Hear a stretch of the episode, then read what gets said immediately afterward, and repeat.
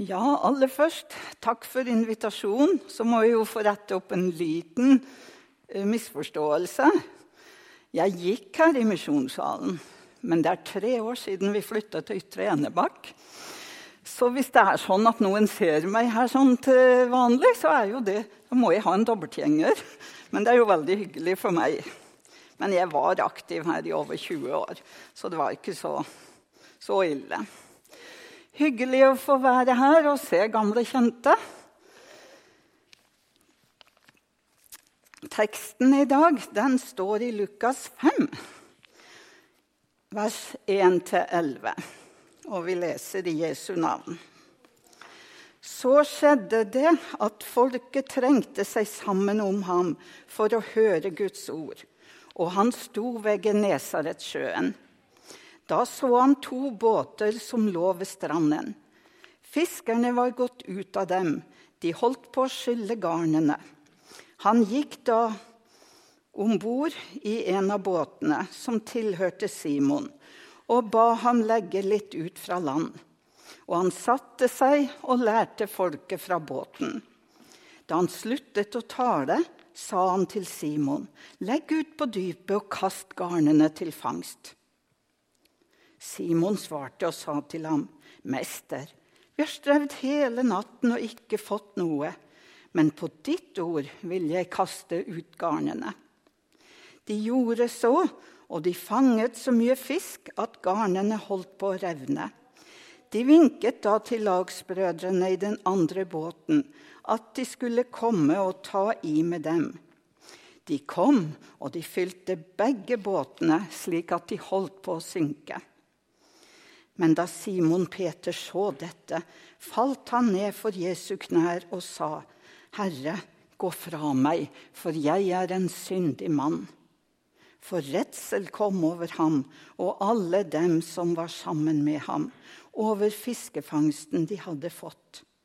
Likedan var det med Sebedeus-sønnene Jakob og Johannes, som var i lag med Simon. Men Jesus sa til Simon, frykt ikke, fra nå av skal du fange mennesker. De rodde da båtene til lands, og de forlot alt og fulgte ham. Kjære gode Gud, vår Far og Frelser og Hellige Ånd. Dette var ditt ord til oss i dag, og vi ber at du må tale til oss som er her, gjennom ordet ditt. I Jesu navn. Amen.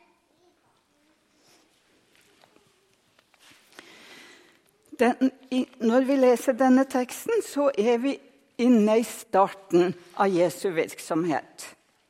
I kapittelet foran så leser vi at Jesus er ute i ørkenen og blir frista av djevelen. 40 dager er han der og møter djevelen sine mange fristelser. Men Jesus overvinner fristeren og vender tilbake. Og da går han straks i gang med å undervise. Han lærte i synagogene både i Nasaret og i Kapernaum. Han helbreder syke, og han driver ut onde ånder. Og han vekker stor harme i synagogene. I så stor at de prøver å styrte han utfor et stup og ta livet av han.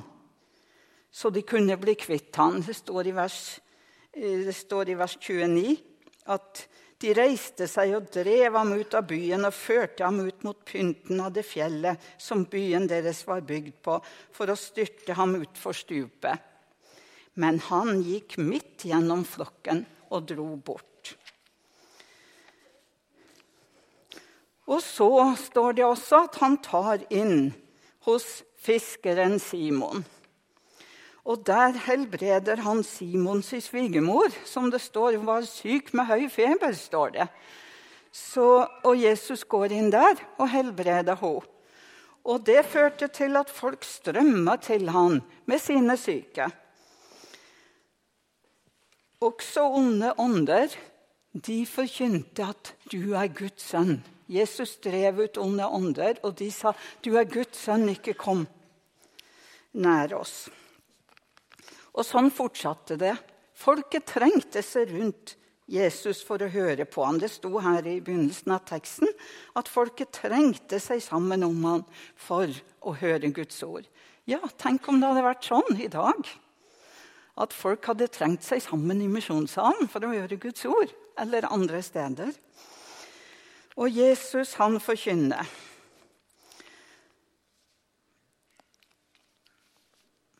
Nede ved Genesaretsjøen tenker kanskje Jesus ville trekke seg litt tilbake.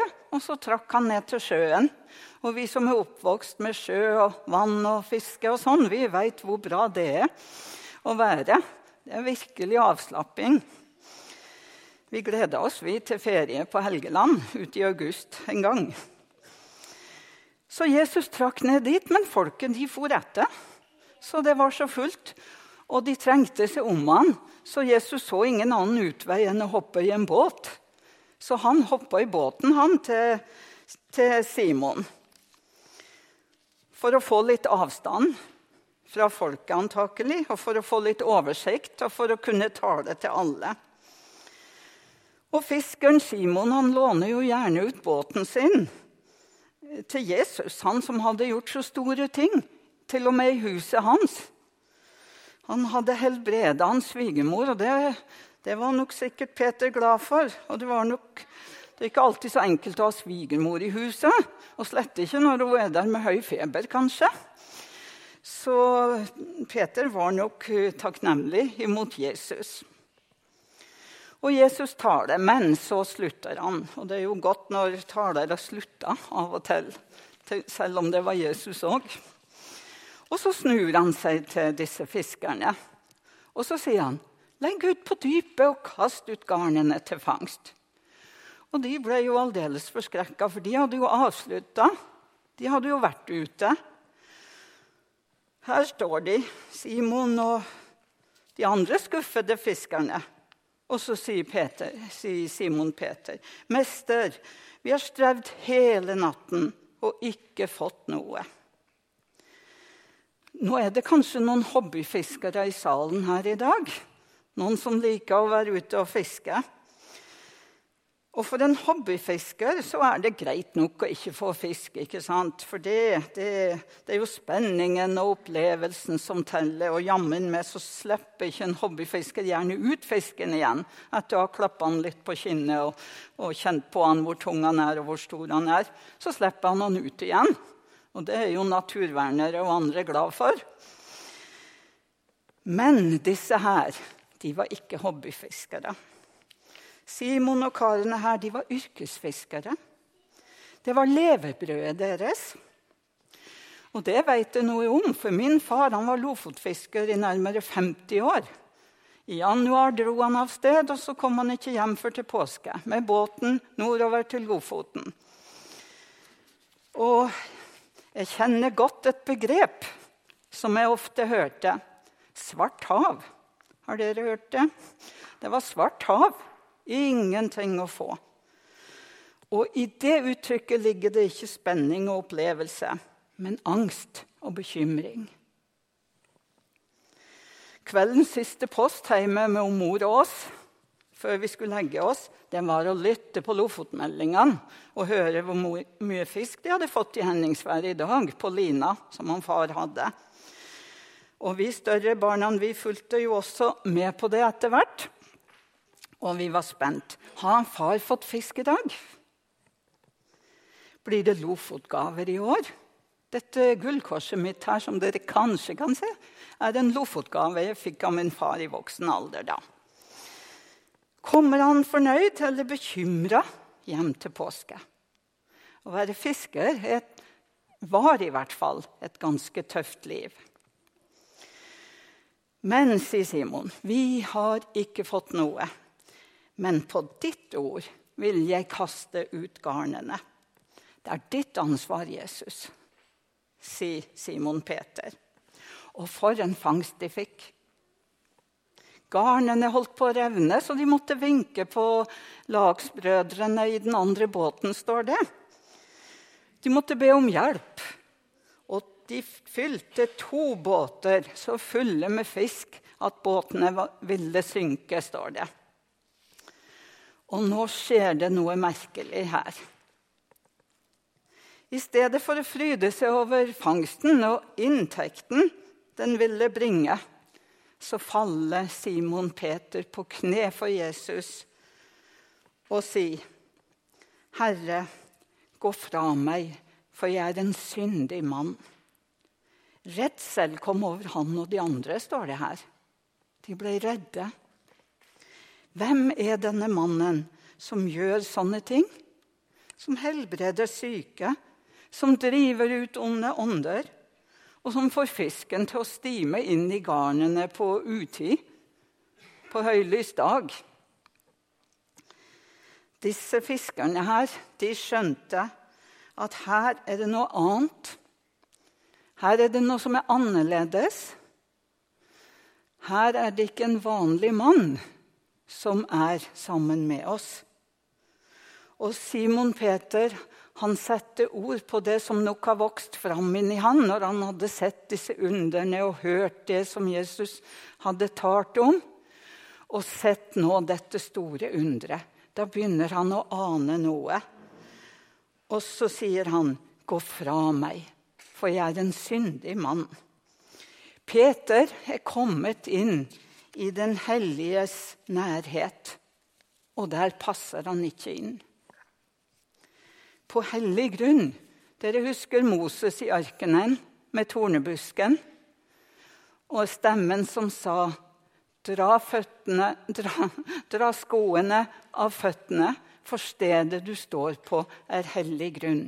Og jeg tenker at Peter hadde noe av den samme følelsen som Moses hadde da han sto der. Han falt på sine knær for Jesus og sa, 'Gå fra meg'. Han skjønner at han har å gjøre med den hellige. Og så griper redselen tak i ham. For den som kommer i den helliges nærhet, han må skjelve av angst. Det er jo Lutherjubileum i år. Det er 500 år siden Martin Luther slo opp sine 95 teser på kirkedøra i Wittenberg. Og jeg vil bli veldig overraska om noen her ikke har hørt om det. For det har vi hørt om hele året nå. Og redselen for den hellige Gud, den kjente Martin Luther godt. Den drev han inn i alle slags botsøvelser og alle slags funderinger og alle slags eh, spørsmål. Og det store spørsmålet for han det var hvordan skal jeg finne en nådig Gud? Han så den hellige Gud, han så Guds krav. Dere skal være hellige, for jeg er hellig, står det i Det gamle testamentet. Og Jesus sier i bergpreika dere skal være fullkomne, like som deres himmelske far er fullkommen. Det er sånn Bibelen taler om Guds barn. De må være fullkomne. De må være hellige fordi Gud er hellig. De må være sånn som han. Og Luther strevde lenge med det spørsmålet inntil lyset gikk opp for han. Luther fant en nådig Gud. Han fant det i ordet om at den rettferdige ved tro skal leve. Tro på hva? Tro på Jesus Kristus, Guds sønn, som kom og levde vårt liv, og som tok ansvaret for vår syndeskyld og brøde og bar det med seg til korset og sona det. Og så vant han en seier, fullkommen seier, og sto opp igjen, for døden kunne ikke holde han. Han var rettferdig og hellig, og han ga sitt liv for alle urettferdige og vanhellige syndere, som du og meg er. I katekismen så bruker Luther ofte et uttrykk. Han sier vi skal frykte og elske Gud. Skal vi frykte Gud? Er ikke Gud vår gode far, som holder sin hånd over oss og har sitt øye på oss og ser oss hvor vi går og passer på oss? Vi synger jo og tenker jo ofte sånn, ikke sant? Ja, det er én side av Gud. Men vi skal frykte Gud fordi vi er syndere som hele livet gjør imot Guds vilje og Guds bud. Og nå må jeg, og nå må du, vi må se på våre egne liv. Hvordan er det med deg? Har du gjort noe du angrer på i dag? Har du sagt noe? Eller har du bare tenkt noe som kanskje ikke var så helt bra?